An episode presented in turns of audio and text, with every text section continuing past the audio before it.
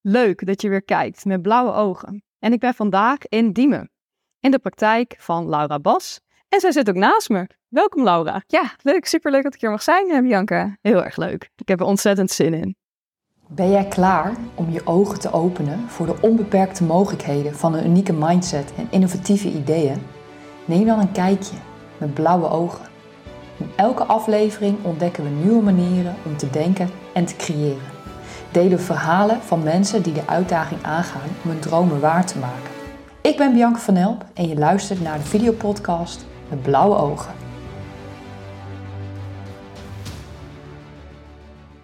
Laura Bas is een meervoudig bekroonde changemaker die met haar onbevangen blik de wereld bekijkt. En op slechts 26-jarige leeftijd heeft Laura al indrukwekkende mijlpalen behaald. Want ze is jongerenambassadeur bij Buitenlandse Zaken geweest, tot aan spreken bij de Verenigde Naties.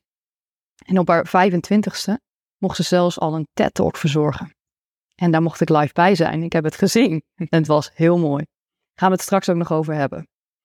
Met haar passie voor jongerenparticipatie en gendergelijkheid is Laura vastberaden om vrouwen en de Gen Z-generatie structureel beter te betrekken in alle facetten van de samenleving. Dus ga er goed voor zitten en laat je inspireren door dit prachtige verhaal van een buitengewone changemaker. Laura. Nou, Bianca, wat een mooie introductie.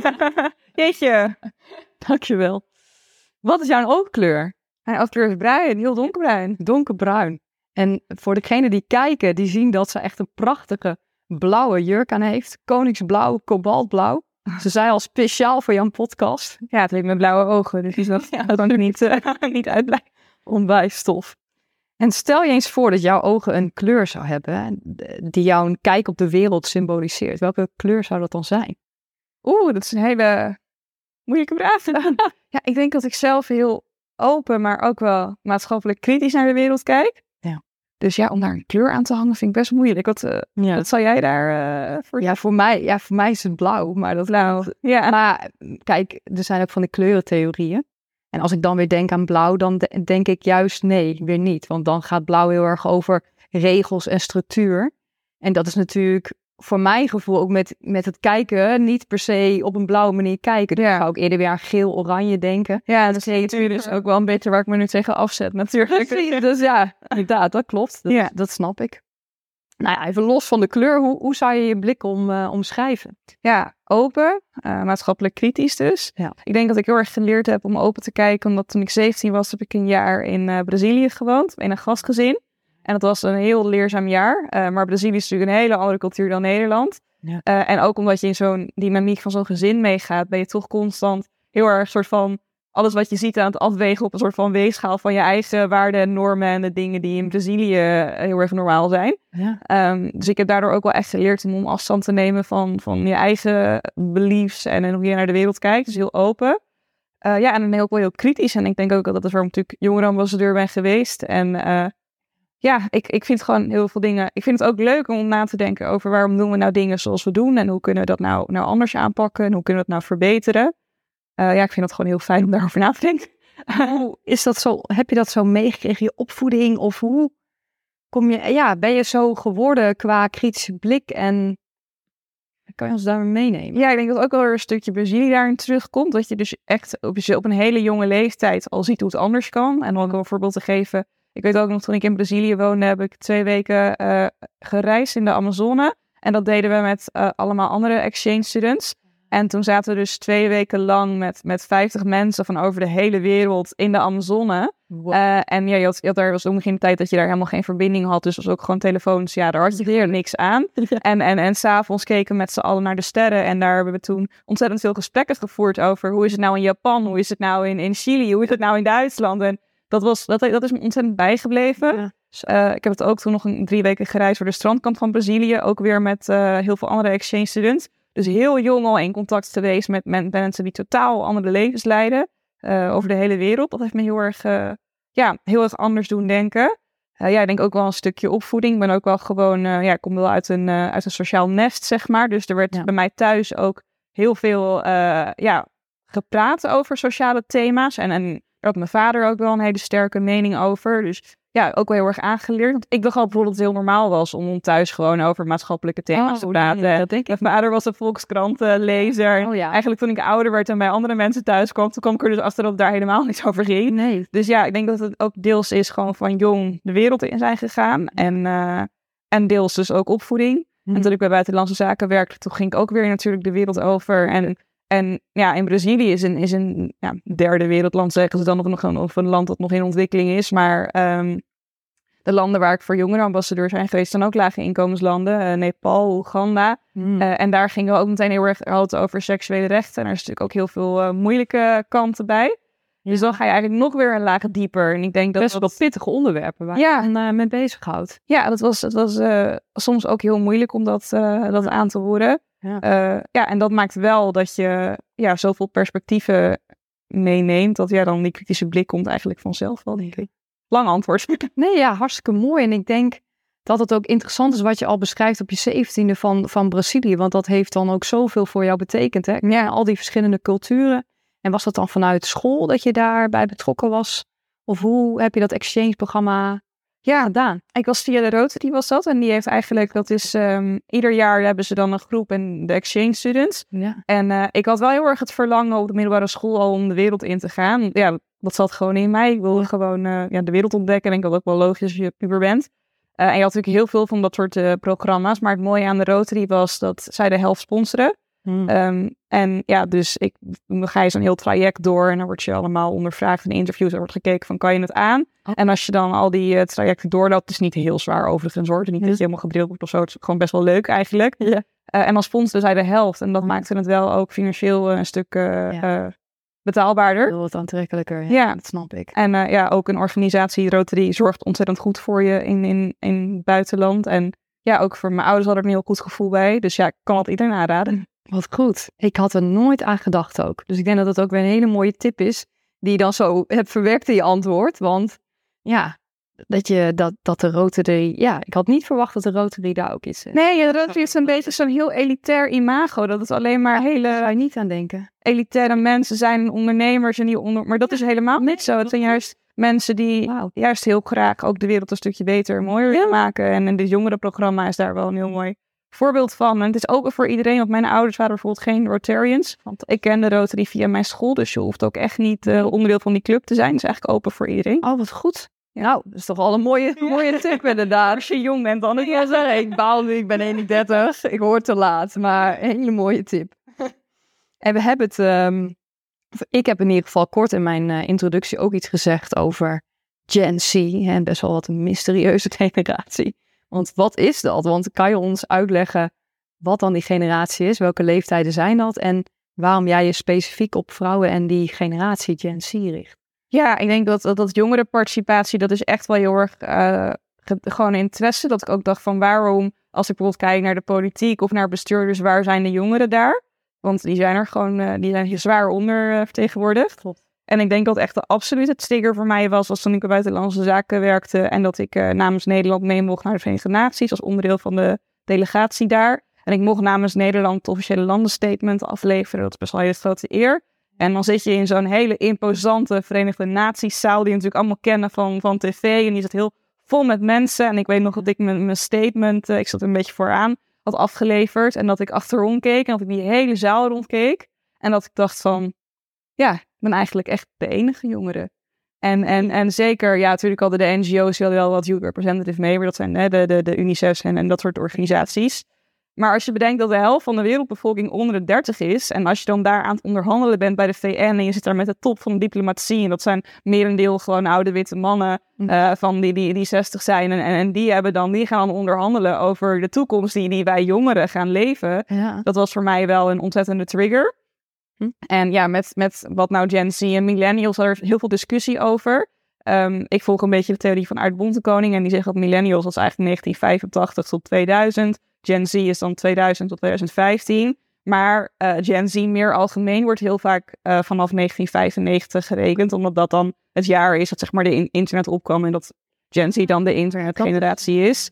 Dus het hangt er een beetje van af hoe je er naar kijkt. Ja. Eh, hoe kijk jij daarnaar? Want wat is dan Ja, nou, ik ben zelf 1996, dus ik vind die 1995 ja, wel een hele ja, fijne snijvlak, want dan val ik er nog net in. heerlijk. Ja, ja, ja. En anders ben ik gewoon, ja, een, een late millennial. Ja. Ja, ja en het is een, een, een generatie die natuurlijk eh, ja, wat activistischer is dan, dan de voorgaande generaties. En Ja, zeker. eh, mensen heel moeilijk vinden te bereiken. Ehm, en ja, ook echt de social media generatie, ja, mo- mobiliseren via social media, ook wel eigenwijs is. Eh, ja, en daar wordt nu, daar, dat is nu een, een, een, een ding. En ik merk heel erg dat mensen het moeilijk vinden eh, om ze te begrijpen. Wat overigens ook logisch is, als je kijkt naar de bevolkingspyramide, wij zitten natuurlijk in een vergrijzing. Dus ja. als jongere kom, ben je gewoon een minderheid op de werkvloer. Dus jij komt zeg maar als jongere die werkvloer op en je zit in een soort van systeem van wat al helemaal vastgeroest is eh, door, door mensen die ouder zijn dan jij. En dan ben je ook nog eens een keer in de minderheid. Dus heel veel mensen zitten ook niet heel erg te wachten op die vernieuwende ideeën van Nee. jongeren. Ook al zeggen ze dat ze dat wel. Ja, en zit het ook wat dat je er dan tegenaan gaat schoppen. Hè? Ja, Dat- en dat is waar natuurlijk ontzettend veel frictie in bestaat. Want we zijn een hele kleine groep die iedereen eigenlijk wil, maar eigenlijk willen ze zich niet aanpassen aan onze nieuwe ideeën. Ja. En, en eh, je noemde net, hè, je zat in die imposante zaal. Is dat dan ook de eerste keer geweest dat je met die jongere participatie of eigenlijk het gemis ervan mee in aanraking kwam? Nee, nee, dat was al eerder. Ja, ik denk dat, dat het begonnen is, zoals ik denk ik twintig. Toen wilde ik gewoon mezelf verbreden naast mijn studie. En toen ben ik ook eh, de werkgroep VN Jongeren bij de NJR, Nationale Jeugdraad, gaan doen. En dat was een heel, hele leuke werkgroep. En toen ging ik al een beetje om me heen kijken. En dat ik dacht van ja, maar in de politiek of in het bedrijfsleven, Ja. wie, wat is nou een rolmodel voor mij? Waar zijn die jongeren? En, en die waren er gewoon niet. Ja. Eh, en eigenlijk is het een beetje hetzelfde met gendergelijkheid. Dat is, ook een, eh, dat is eigenlijk allemaal mee begonnen.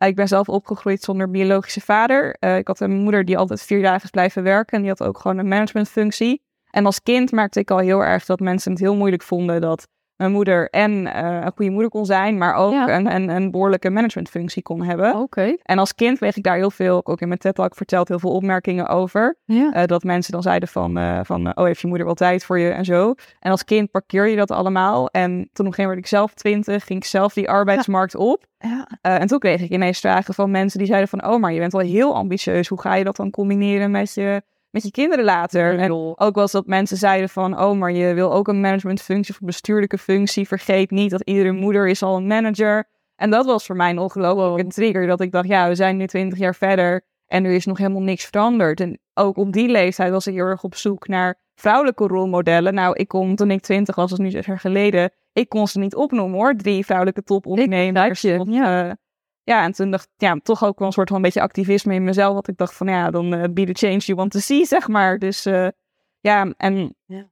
Toen liep ik er dus eigenlijk tegen aan dat je ook als jongere niet serieus genomen eh, Nee. wordt. Dat Door de reacties die je kreeg. Ja, dat dat je ambitieus bent en dan is het... Ja, nou Laura, eh, als jongere is natuurlijk heel erg dat stereotype hè, van oh ga eerst maar eens jezelf leren, leren ontdekken en, je hebt nog geen ervaring en ze hebben ja, een beetje spuitelf achter. Ja, precies. Om, om, om jongeren al zoveel verantwoordelijkheid te geven. Dat Ja. kan alleen maar misgaan.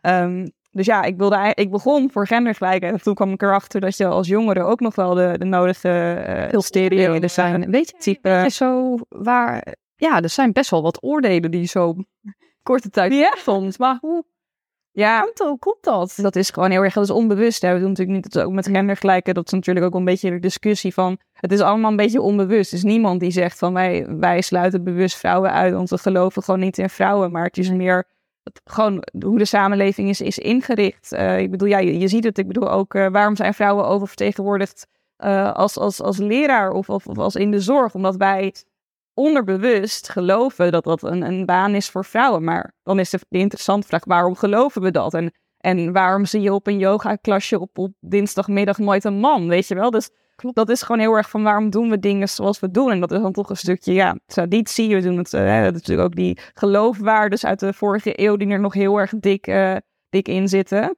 En ik denk juist dat het heel interessant is. En dat is nu natuurlijk ook heel erg gaande om, om constant die onbewuste normen wel te gaan vragen. Van waarom doen we dingen zoals we doen? En waarom mogen, waarom mogen mannen niet? Waarom vind je het onaantrekkelijk als een man op, op dinsdagmiddag zegt... Nou, Ja. ik ga even lekker yoga doen. En Ik zie een enkeling soms in mijn yogaklas, maar ja, die kan ik inderdaad op een hand tellen. Ja, ja, het is natuurlijk heel erg wat nu ook een beetje onder druk staat hè, over van, eh, van dat, dat, dat verdienmodel van vrouwen drie dagen werken en mannen vijf dagen werken. Van waarom niet allebei naar vier? En, Ja.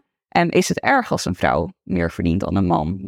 Ja. ja, dat zijn inderdaad wel de vragen die nu uh, behoorlijk spelen. En Ja. ik, eh, ja, ik ben wel blij dat jij je daarmee bezighoudt. Dat je daar wat tegen aanschopt. eh. Ja, En dat is natuurlijk, want we begonnen al, hè, wat voor kleur kijk je dan? Ja, in die zin, ja, niet per se blauw, want dat is het best wel heel erg gericht op. ja, Eh, Dus ja, je bent volgens mij heel erg bezig juist om die status quo ook eh, ja. nou ja, aan te, ver- te bevechten. En juist vanuit wat je dus bijvoorbeeld bij je moeder al hebt gezien, hè, die was natuurlijk daar ook al redelijk eh, Ja, ja, vernieuwend in die zin al in. Ja. En heb je daar wel eens met haar over gehad van die reacties die ze destijds heeft gekregen, hoe ze dan mee is omgegaan? Of heb je zelf de indruk dat je dat ergens hebt meegenomen, dat je het zelf ook hebt ervaren? nou, ik denk wel dat omdat mijn moeder, dat was voor mij heel normaal dat mijn beide ouders Ja. werkten. Dus ik denk dat je dat dan wel onbewust wordt van overneemt. En ik denk wel dat als jij in een gezin opgroeit waarin een moeder helemaal niet, niet werkt, eh, dat dat dan ook, toch- je moeder is wel gewoon je eerste rolmodel. Ja, is ook zo. Dat is je Ehm, voorbeeldrol. Ja, dus ik denk dat dat wel zeker, eh, zeker meespeelt. Ja. Ehm, ja, en wat ik heel erg hoor van niet alleen mijn moeder, maar van de generatie van mijn moeder, is dat die wel zeggen van ja, wij, wij hoopten heel erg, want toen mijn moeder studeerde waren vrouwen ook al, met, mijn moeder deed rechten, waren vrouwen ook al in de meerderheid. En je hoort op universiteiten en hogescholen. En je hoort heel erg dat de, de generatie van mijn moeder dacht van nou, wij gaan dat, dat gendergelijkheid wel oplossen. Maar dat is dus niet gelukt. Nee. En dat is interessant, dat heb ik ook met een beetje generatie in verdiept van hoe kan dat nou? En dat is omdat toen de generatie van mijn moeder die arbeidsmarkt optrad, toen was eigenlijk degene die in de managementfunctie zat, dat was nog een generatie eerder. En die was veel conservatiever. Ja. En, en die liet dat gewoon niet toe. Dus het is niet per se de schuld van die generatie. Ja, natuurlijk hadden ze activistischer kunnen zijn. Ja. Ehm, maar die, die, die managementlaag die boven, die dus nog een generatie terug was, die liet dat niet toe. En je ziet nu dat nu wij de arbeidsmarkt opkomen en dat onze moeders en, en vaders een beetje in die ja. managementlaag zitten. de...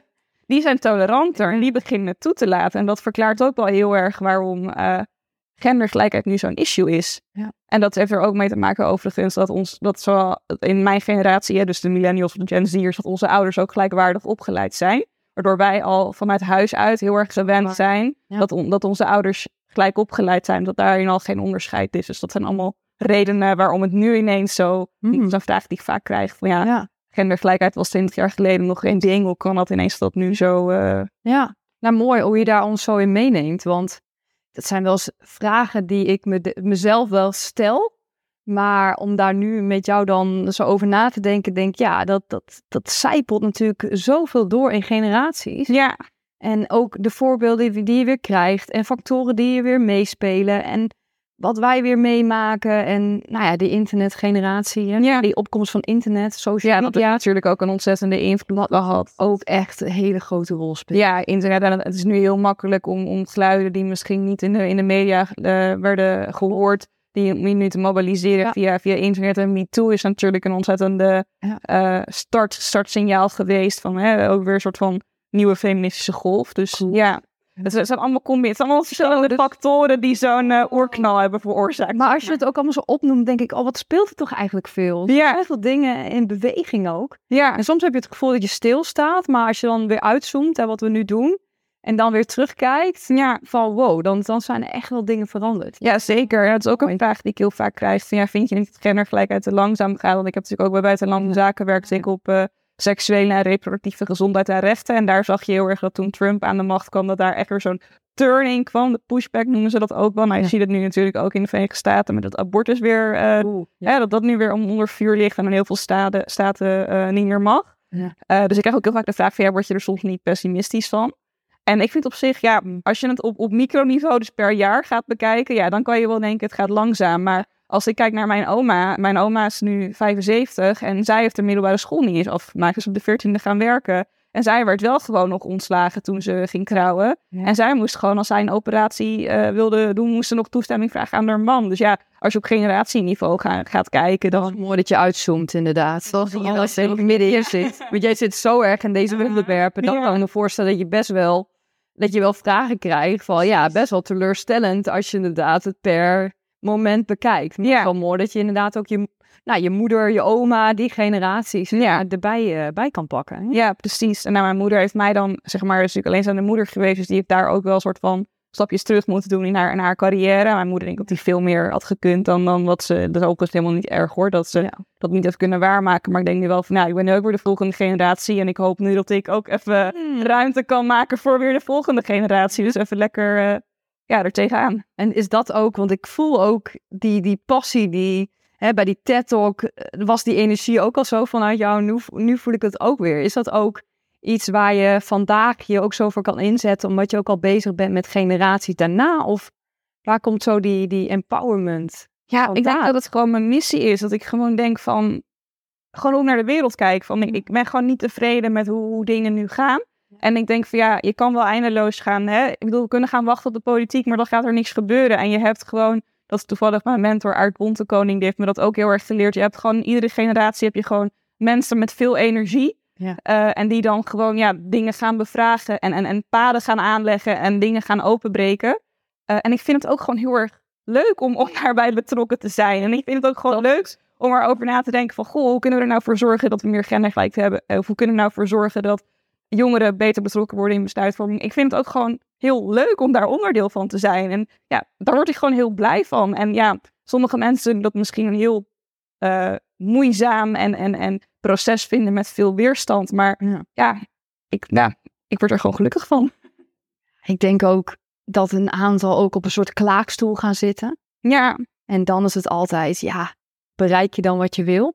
Precies. En het is natuurlijk mogelijk best wel wat een stroperig proces. Maar als je er met deze energie, met, nou ja, ja wel een bepaalde charme ook, tenminste zo vind ik het zeker hoe het overkomt, dan, ja, dan kan je wel dingen veranderen. En dat is wel, eh, ja, is wel heel tof. Ja, en ik heb ook, ik hou ook heel veel inspiratie. En, en dat is natuurlijk mooi, want het punt waar ik nu ben, als je kijkt met een paar jaar geleden, ik heb natuurlijk ook ontzettend veel inspirerende vrouwen al mogen ontmoeten. En Mm. ik heb ook heel erg het gevoel dat ik heel erg op hun schouders sta en dat ik door hun weer heel erg geïnspireerd word. En als ik dan zie wat, wat, wat zij op hun manier hebben bereikt, dan denk ik van ja, er is wel heel veel mogelijk. Maar het is ook waar, waar ga je op duwen? Weet je wel, ik, ik probeer gewoon heel erg te zoeken naar welke mensen willen wel verandering en hoe, hoe kan ik die mensen bereiken? Pioniers eh, probeer je eh, Ja, te zoeken. Heb je, daar, heb je het gevoel dat je daar een bepaald gevoel of sen- sensitiviteit, want hoe vind je dan die mensen? Want ja. waar zijn ze?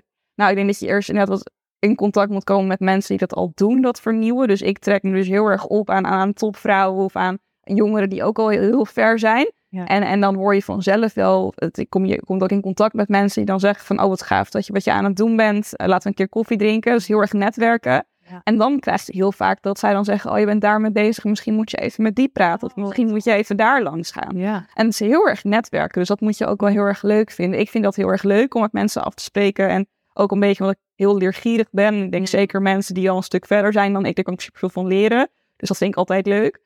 Eh, en dan vanzelf, ja, dan, dan zie je ergens een haakje. En ja, dan moet je meteen gaan, gaan lopen. En soms moet je ook als middenmens wel verandering. Maar ja, je bent natuurlijk ook niet prioriteit. Want ja, laten we eerlijk zijn, je, het is niet dat je er per se hoge rendementen van gaat halen. Ja, op lange termijn wel, maar je kan het niet zo één op één eh, Nee, terugleiden. Dus ja, je moet er ook wel achteraan gaan zitten. Dus je moet ook heel erg ja, wel blijven duwen. wel volhardend ook zijn. Ja. en ik denk dat dat ook wel is. Ik denk dat we nog steeds best wel in een waan van de dag kunnen leven. Ja, Dat ga je ook niet veranderen.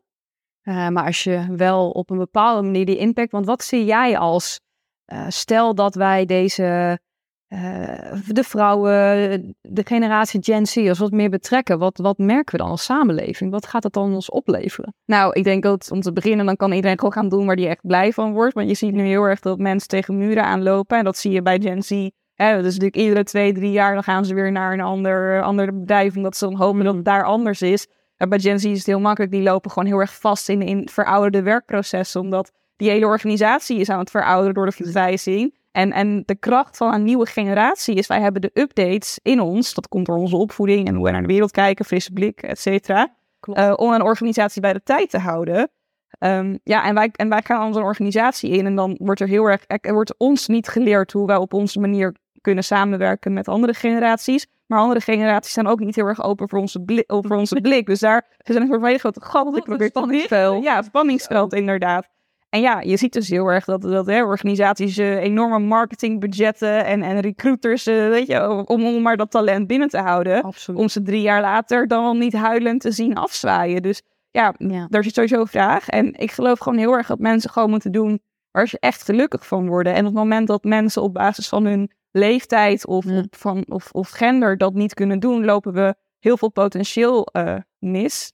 Ja, en het is ook gewoon, Ja. als jij gewoon kan doen waar je, waar je blij van wordt, ik bedoel, daar profiteert iedereen van. Dus een van de uitkomsten wat je aangeeft is dat dat, dat personeelsverloop. Toch? Dat is in ieder geval iets wat jou nu opvalt. Ja, personeels, maar ook heel veel perspectief. Ik bedoel dat, ook als je kijkt naar heel veel boardrooms die gewoon nog steeds heel, heel mannelijk zijn. En, en eh, Witte- eh, ja, witte, witte oude man weer. Ja, ik wil ook niet te veel negatief over, over die groep uitlaten, maar ja. ja, dan heb je toch, je bent heel eendimensionaal, want je hebt maar één perspectief. Je hebt allemaal de mensen die, dezelfde, die dezelfde opleidingsniveau hebben, dezelfde Ja. kranten lezen, op dezelfde manier naar, naar de wereld kijken.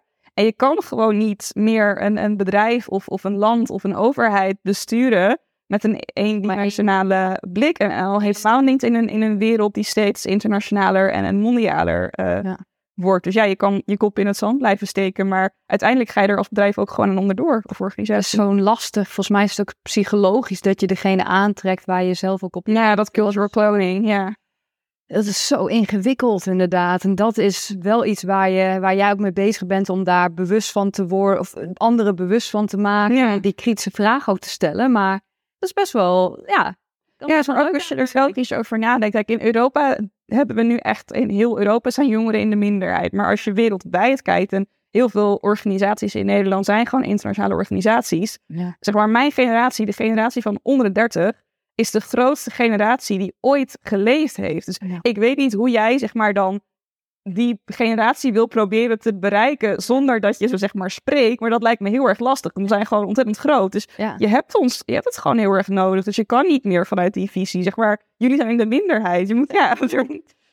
ik weet niet hoe je daar een succesvol Nee, ja, dat- marketingstrategie op wil maken. Maar Ja. ja, En hoe, hoe zie jij het voor je om die generatie wel meer te betrekken? Moeten we dan met z'n allen massaal in die boardrooms gaan zitten? Wat, wat, wat is dan nou ja. advies? Of wat wil je dan meegeven? Nou, natuurlijk vind ik wel dat ook in de politiek en in, in raden van commissaris is nu ook een ontzettende discussie hè, van hoe kunnen we jongeren daar nou in, in eh, betrekken. En ik snap bijvoorbeeld best bij raden van commissarissen dat je bepaalde ervaring moet hebben. Maar dan denk ik, ja, ga dan op zoek naar manier hoe je jongeren wel erbij kan En ook die ervaring kan laten. Ja, eh, zeg maar. veel.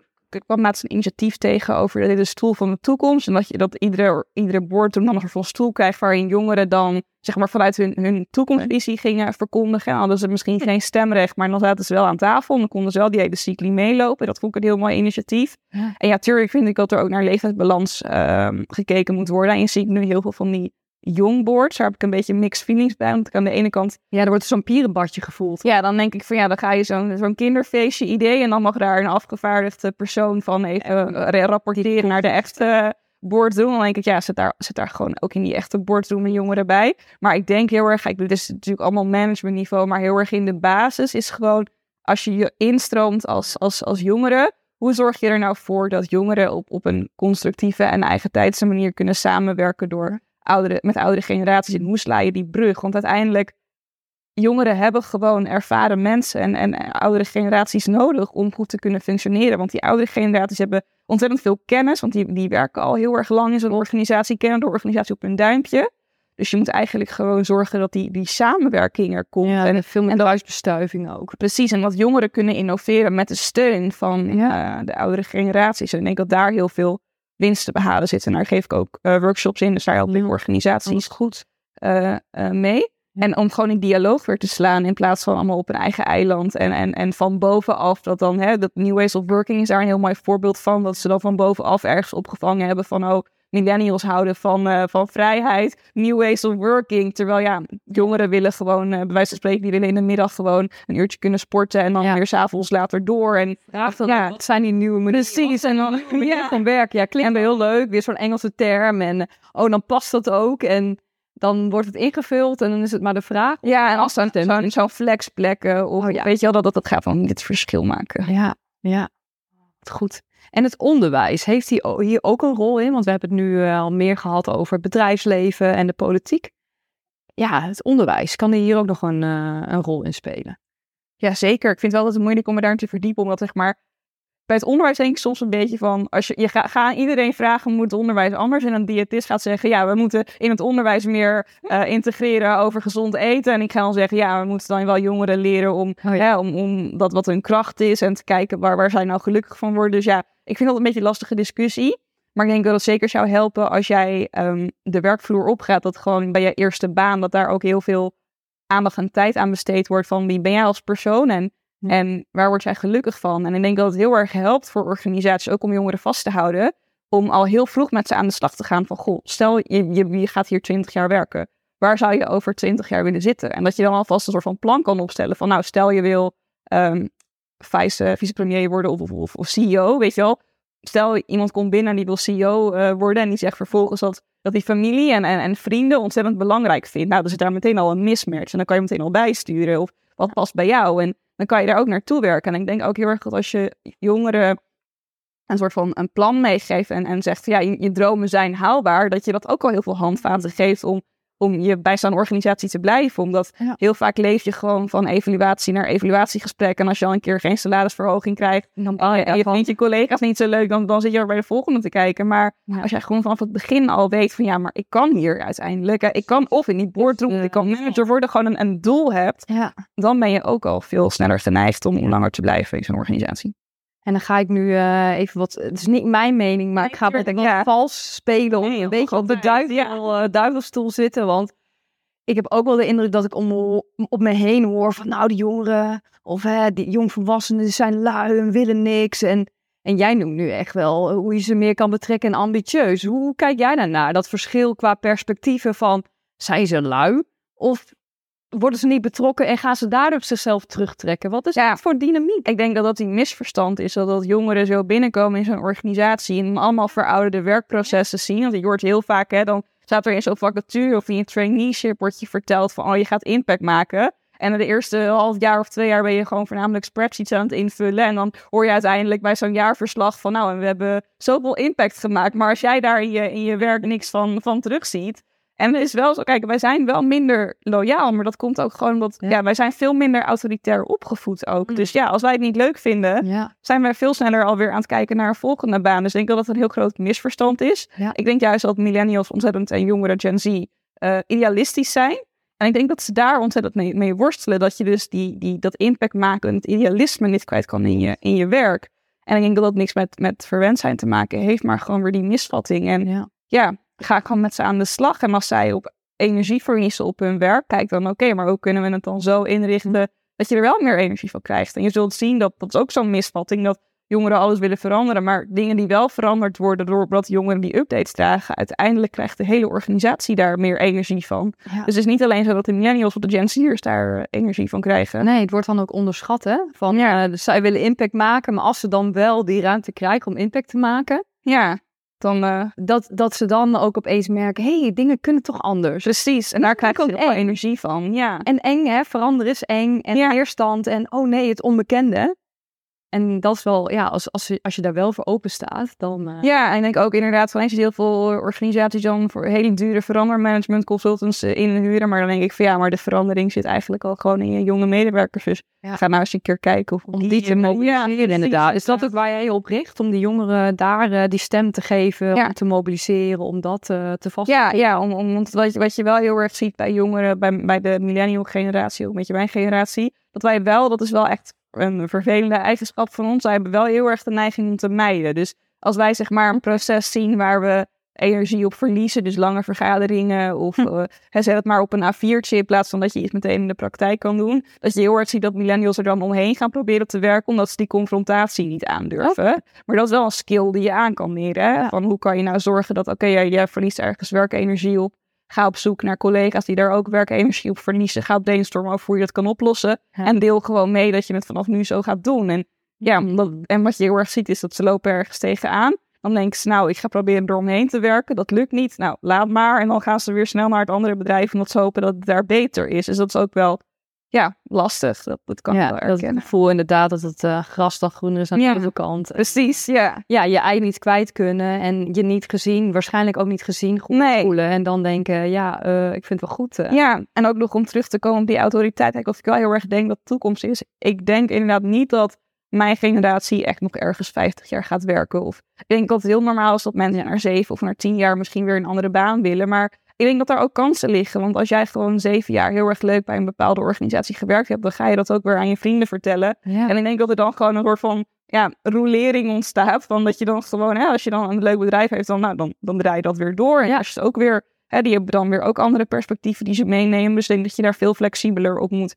moet inspelen. In plaats van te denken van, oh, we willen jongeren echt 20 jaar vasthouden. Ja, dat is, nu je dat aanstipt, is natuurlijk ook een grote verandering. Hè? We zitten niet meer zoals ik bijvoorbeeld bij mijn ouders zie of generaties daarvoor. We zitten niet meer, oké, we zijn op onze midden 25 of nou ja, midden 20, ongeveer 25 jaar begin je met werken en eh, je bent er tot aan je pensioen. Ja, Maar de vraag in hoeverre we überhaupt over ons pensioen nadenken. Maar precies. Ja. helemaal niet meer denken, oh, ik ben hier 40 jaar, ga ik dit werk doen en ik zit in deze organisatie. Ja. Dat is ook al veranderd. Precies, Dat ja. is niet meer. Inderdaad. Dus dat is ook iets waar je op kan inspelen als organisatie.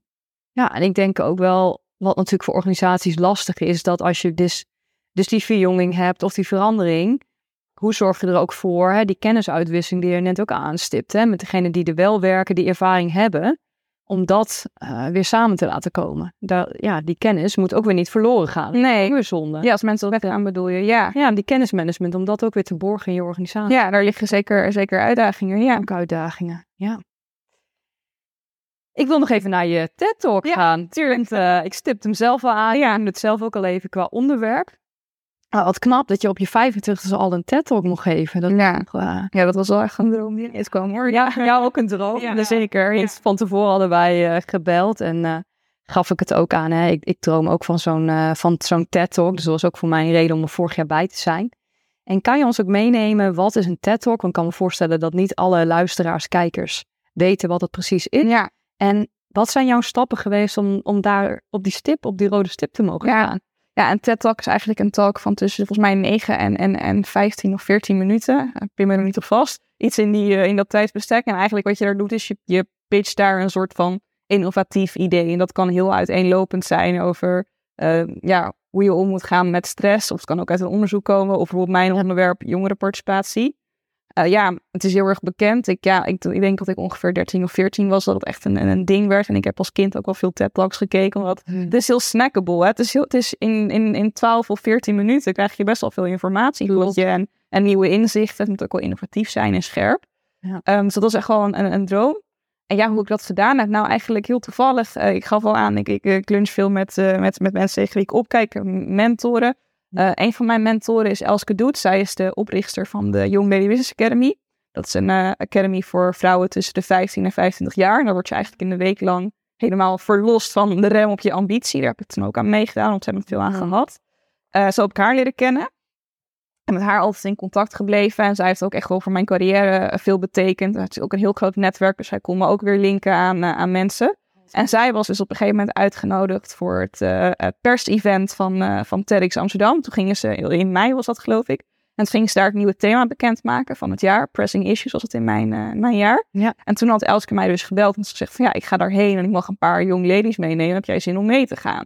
Nou, toen zei ik natuurlijk meteen ja, want ik wist al op mijn droom. je daarover nadenkt, Ja. inderdaad. En ik wist er nog, er gingen volgens mij zes meiden mee. En drie meiden mochten daar on the spot, dus voor alle TEDx-organizers, mochten zij eh, een verhaal pitchen.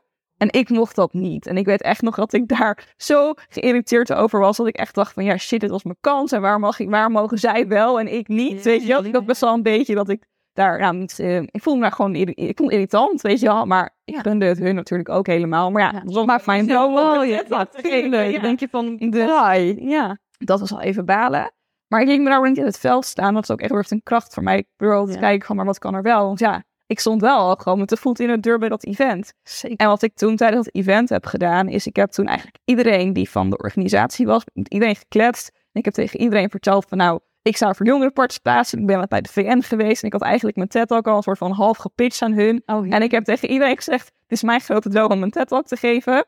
Eh, ja, en toen ben ik daar, eh, daar toen weggegaan. Ik had dus wel heel veel mensen gesproken. Ook iedereen toevoegen op LinkedIn. Weet je wel, dat ik gewoon lekker in de picture bleef. Goed bezig. En eh, nou, toen werd ik dus van die young ladies die daar waren, werd ik dus een paar weken later als enige teruggebeld. Ja, waren we onder de indruk van je verhaal en misschien moeten we een call in plannen. Nou, toen hebben we een call gehad en toen was ik natuurlijk helemaal goed voorbereid en, en toen was ik binnen. Maar Dus, jij bent niet gaan pitchen. Nee, nee, ik had niet die... Jij hebt... Ja. Dat is wel knap hoor. Ja, maar dat is gewoon die overtuigingskracht. Van, het was mijn droom. En ik had, ik had me dus ingelezen van tevoren van... Oké, wie zijn de organisatoren? Met wie moet ik praten? En toen heb ik met hun gewoon allemaal gekletst. En eh, ja, toen eh, een goede indruk gemaakt. En toen mocht ik dus mijn ideeën... Dus ook netwerk is heel belangrijk. Ja, dat komt Ook wel heel erg boven. Dat, dat doelgerichtheid. Dus Ja. het was gewoon mijn droom. eh, neer gaan Ja, en wat heel Ja. grappig was, eh, het was een jaar, er, een jaar eerder. Toen was ik volgens mij, mijn, mijn termijn bij jongerenambassadeur was 14 maanden. En toen ik net begonnen was als jongerenambassadeur, toen was ik dus 24. En toen dacht ik van, oké, ik wil een TED-talk geven. En toen had ik ze zelfs nog gemaild van, oh, ik wil een TED-talk geven. Maar toen heb ik mijn reactie gehoord, ook logisch hoor.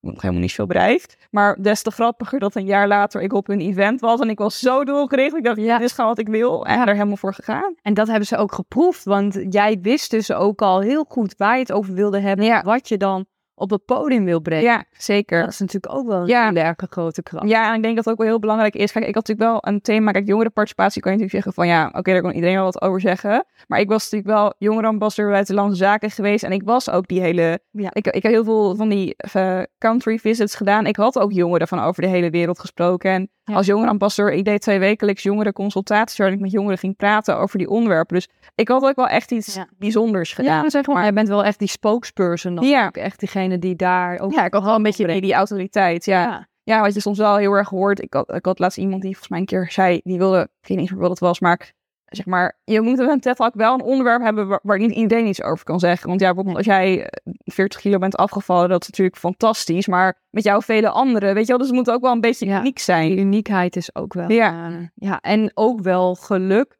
Al kan je wel, wel op een bepaalde manier altijd kijken hoe gaat het thema en dit Ja. die pressing issues gaat het passen. Ja, Maar nu was het natuurlijk ook wel echt fantastisch dat het ook één op één klopte natuurlijk. ja, dat ja, wel kwam allemaal mooi, heel mooi samen. Ja. Ja. zo gaaf. ja. En hoe was het voor jou, de voorbereiding? Wat was dan het meest uitdagende? Hoe, hoe heb je die voorbereiding ervaren? Ja, TED Talk? Nou, dat is ook wel iets wat belangrijk is voor de mensen die nu luisteren en die ook een TED-talk willen geven. Kijk, TED is best wel wild. En je ziet nu heel erg dat het hè, met, met paddenstoelen uit de grond komt. En je hebt, ineens heb je ook heel veel andere steden een, een TED-talk. Klopt. Maar ik zou heel erg goed opletten met, met als je gevraagd wordt voor, een, voor TED. Natuurlijk is het een hele grote eer. Maar kijk inderdaad heel erg naar de voorbereiding. Want bij TEDx Amsterdam Women heb ik gesproken.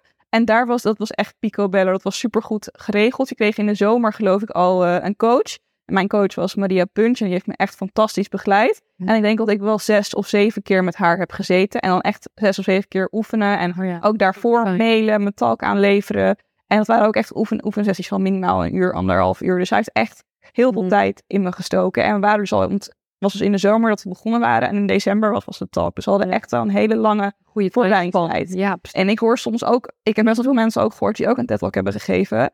En die dan vier of, of zes weken van tevoren te horen hebben gekregen dat ze mochten spreken. En dan zes weken de tijd hadden om zo'n talk te geven. En dan één of twee keer ehm, maar die contact... maar, maar met een coach hebben gezeten. Ja, en zeg maar, tuurlijk is het een fantastische eer. Maar het is ook wel een beetje, het is bijzonder. Het is ook, ook zeker, ik ben natuurlijk ook spreker. Het is ook je visitekaartje. Weet je, als mensen je googelen, is eerst dat ze gaan kijken je Talk. Dus je wil gewoon dat het staat als een huis. Dus ja, ik zou wel inderdaad echt zeggen van, wees wel heel selectief in, in wat je wel en niet doet. Want ik zou niet zo snel in zee gaan met een TED die, waar je zes weken van tevoren krijgt te horen dat je mag spreken. En dat je maar één keer je coach ziet. Want het is gewoon, ja, je wil gewoon kwaliteit daar neerzetten. Dat is een hele goeie. Ook voor mezelf. Dat, Ja? Oeh, dat resoneert wel bij mij. Want dan je wordt soort van hebberig van omdat je denkt, dit is mijn droom. En, ja, tuurlijk. en als je dan nu hoort inderdaad binnen zes weken, dat is echt gewoon kort tijdspannen. En dat je dan, ja terecht wat je zegt, hè, dat is wel je visitekaartje. Dus, Ja. ja. Ja, en het is, ook, het is ook wel gewoon een mijlpaal. Het is een mijlpaal, Al mensen. En ja. ja, ik is ook een beetje van ja, ga niet eh, kwa- kwantiteit, eh, kwaliteit boven kwantiteit. En, en ja, ga niet bij de eerste de beste dat je denkt, oh, nu heb ik hem. Ja. Maar zorg wel dat het ook iets is waar je met een heel goed gevoel op terugkijkt. Want Ja. ik kan wel met mijn. TED Talk echt op terugkijken en denk van, ik heb er alles uitgehaald. Ja? Wel? Ja. Je hoe kijk je? Wil je meenemen? Hoe, Ja. hoe voelde dat en hoe kijk je Nou, terug? Ik ben eigenlijk nooit echt zenuwachtig, maar voor spreken. Maar bij een TED was ik wel heel zenuwachtig. Ik had wel... Je bent toch ook een mens? Ja. ik had wel een paar versprekingjes dat ik echt dacht van, oh nee, hij was niet perfect. Maar dat is ook een beetje de perfectionist in mij, waar ik dan nog wel een beetje mee kan zitten. Ik kan me er niks van herinneren. Maar Nee, maar met, met de inhoud was ik, was ik heel tevreden. oh, wat goed. En ja, weet je, ik kijk er natuurlijk ook, ik ben natuurlijk spreker ook, dus ik kijk er communicatief ook wel heel technisch naar. En denk ik van, nou ja, dat was ook gewoon een leerschool. Ik dacht, oké, als ik het terugkijk, daar kan ik nog verbeteren. Uh, maar ja, over het algemeen gewoon heel tevreden. Ja, gaaf. En kan je nog herinneren, wat voor, wat voelde je, zeg maar, hè, die zenuwen wel terwijl je sprak, maar nou ja, op het moment zelf dat je dacht, oh, ik sta hier, ik zie die mensen zitten, of toen het voorbij was. Wat... Ja, ik was dus een van de laatste, want volgens mij had je tien talks en ik was echt ja, heel lang acht. Ja, dus dat sloopt je wel een beetje hoor, want dan zit je in je, in je kleedkamer en je... En wat ik had, was heel erg, dat was echt heel vervelend. Ik zat achter het, um, uh, zeg maar, toen ik, voordat ik op moest, dan zit je dus achter bij het podium backstage. En degene die dus voor mij was, eentje daarvoor, die kreeg het een complete blackout. En dat was echt gewoon heel vervelend om aan te horen. En dan zit je al vol met zenuwen. En dan degene die voor je zit, die, die, die gaat dan helemaal de mist in. Dus dan gaat je, je zenuwlevels, dat gaat dan wel gewoon keer, keer tien. Uh, maar ja, ik had wel, ik was zo goed voorbereid. Dus had wel een beetje invloed dat ik ook een beetje, dat ik nog zenuwachtiger werd. Maar op een gegeven moment stond ik ook op het podium, liep dat podium op. En toen dacht ik al van ja, dit is wel gewoon mijn moment. Um, ja, en dan moet je het gewoon loslaten. Dat is ook gewoon een beetje dat presteren onder druk, wat je gewoon klopt kan trainen. En ik heb dat ook wel gewoon in me. Uh, dus toen kon ik ook uiteindelijk wel loslaten. Uh, ja, en daarna gewoon heel veel ontlading. En ja, het is nog steeds een herinnering waar ik met ontzettend veel plezier uh, aan terugdenk. Ja, heel gaaf. En we zullen ook voor jullie in de show notes zullen we ook die link van die TED Talk je zei al waarschijnlijk als je naam googelt, ja. eerst wat je ziet. Maar om het jullie makkelijk te maken, zal ik hem toevoegen. Leuk, ja. Wat we verder nu niet... Ja, we hebben in die zin wel hier en daar de inhoud zeker besproken. Maar ja. nou ja, je gaf al aan, het is natuurlijk een... Ja, snackable, vond ik trouwens ook een hele mooie term. Ja. Heel leuk om het op die manier te delen. En ook hoe Laura daar, uh, daar stond. We gaan uh, richting afronding alweer. Ja, vloog voorbij dat uurtje. Volgens mij zitten we ongeveer alweer op drie kwartier dat ja. we aan het kletsen zijn. Ja. En stel je voor, iedereen in de wereld hè, met die blik, die, die open blik, wat je net al hebt aangestipt. En hoe denk je dan dat de, dat de wereld eruit zou zien? Heb jij iets wat je ons wil meegeven, een bepaalde hoop of visie, uh, als die openheid ook centraal gaat staan voor deze toekomstige generaties? Ja, ik denk dat ik anderen mee zou geven is, is ga gewoon heel goed bij jezelf na waar jij, waar jij gelukkig van wordt. En, en bewandel je eigen pad. Ga niet het leven leiden wat je ouders heel graag willen dat je zou leiden. Of, of hè, want dat heb je ook, of niet alleen op mijn leven te zijn, maar je hebt ook dat als je 40 of 50 bent, dat jij er dan eigenlijk achter komt dat je eigenlijk altijd gedaan hebt wat je omgeving van je, van je hebt verwacht. En ik denk, ja, durf gewoon het, het, het lef te hebben om te gaan staan voor, voor wie je bent. En ik heb dat ook altijd gedaan. Ik ben best wel eigenwijs. Ik heb altijd mijn eigen pad uh, bewandeld. En dat was in het begin ook heel, heel lastig. Mijn, mijn eigen ouders die zagen heel veel dingen die ik deed niet zitten. Ook uit angst, omdat ze dachten dat ik, dat ik niet zou lukken. En ze wilden me dan behoeden voor dat onderuit gaan. Ja. Dat zie je ook bij ouders heel veel. Ja. Uh, en ook om me heen, dat mensen hele, vonden dat ik hele gekke sprongen heb gemaakt. Terwijl als je nu terug gaat op je carrièrepad, dan is het allemaal heel logisch eigenlijk wat ik gedaan heb. Ja, maar, maar durf gewoon het lef te hebben om, om, om te gaan staan voor, voor wie jij bent. En om te gaan doen wat goed voor je voelt. Um, dat zou ik eigenlijk mensen mee willen geven. En ja, trek je niet zoveel aan van anderen. In het Lukt jou dat goed? Want dat is echt nu wel. Als het toch? Oké, nu wel. Ja, nou kijk, in het, het is gewoon heel erg belangrijk om te realiseren dat als jij iets anders gaat doen, of wat, wat, wat niet gemiddeld is, dat mensen daar gewoon heel vervelend op gaan reageren. Daar moet je gewoon wel echt rekening mee houden om mee te beginnen ja, in het begin ga je veel weerstand hebben en dan heb je een paar succesjes en dan vindt iedereen het fantastisch. En eigenlijk hoe, hoe verder je komt of hoe, meer succes je gaat hebben, dan, dan, dan gaat de weerstand ook weer een beetje, hmm. uh, ja, neemt toe. Maar zorg gewoon dat jij heel goed weet wie jij bent. En als jij jouw pad bewandelt en als jij weet wat je zeg maar doet wat bij jou past, ja, wat anderen vinden, ja, dat maakt dan niet zo heel veel meer uit. We hebben samen een reis gemaakt door ontdekkingen en nieuwe manieren om naar de wereld te kijken met blauwe ogen. Bedankt voor het luisteren. Hou ons in de gaten door onze social media kanalen te volgen en laat me weten waar jij naar uitkijkt. Tot de volgende aflevering. Mooi Laura, mooie, mooie aanmoediging. Ja, en dit was uh, weer een aflevering met blauwe ogen. En ik heb uh, ja, ontzettend geboeid geluisterd en ook die kracht en energie. Ik hoop wat ik in ieder geval heb ervaren dat het ook zo thuis overkomt. Ja. Maar die empowerment uh, die is er zeker. En ja, heel erg bedankt voor je, voor je openheid en om deze empowerment zo eh, over te brengen. Ja, nou, heel erg bedankt voor de uitnodiging. En ik hoop dat de luisteraars er wat aan gehad hebben. Vast. Ja. Dankjewel. Doei.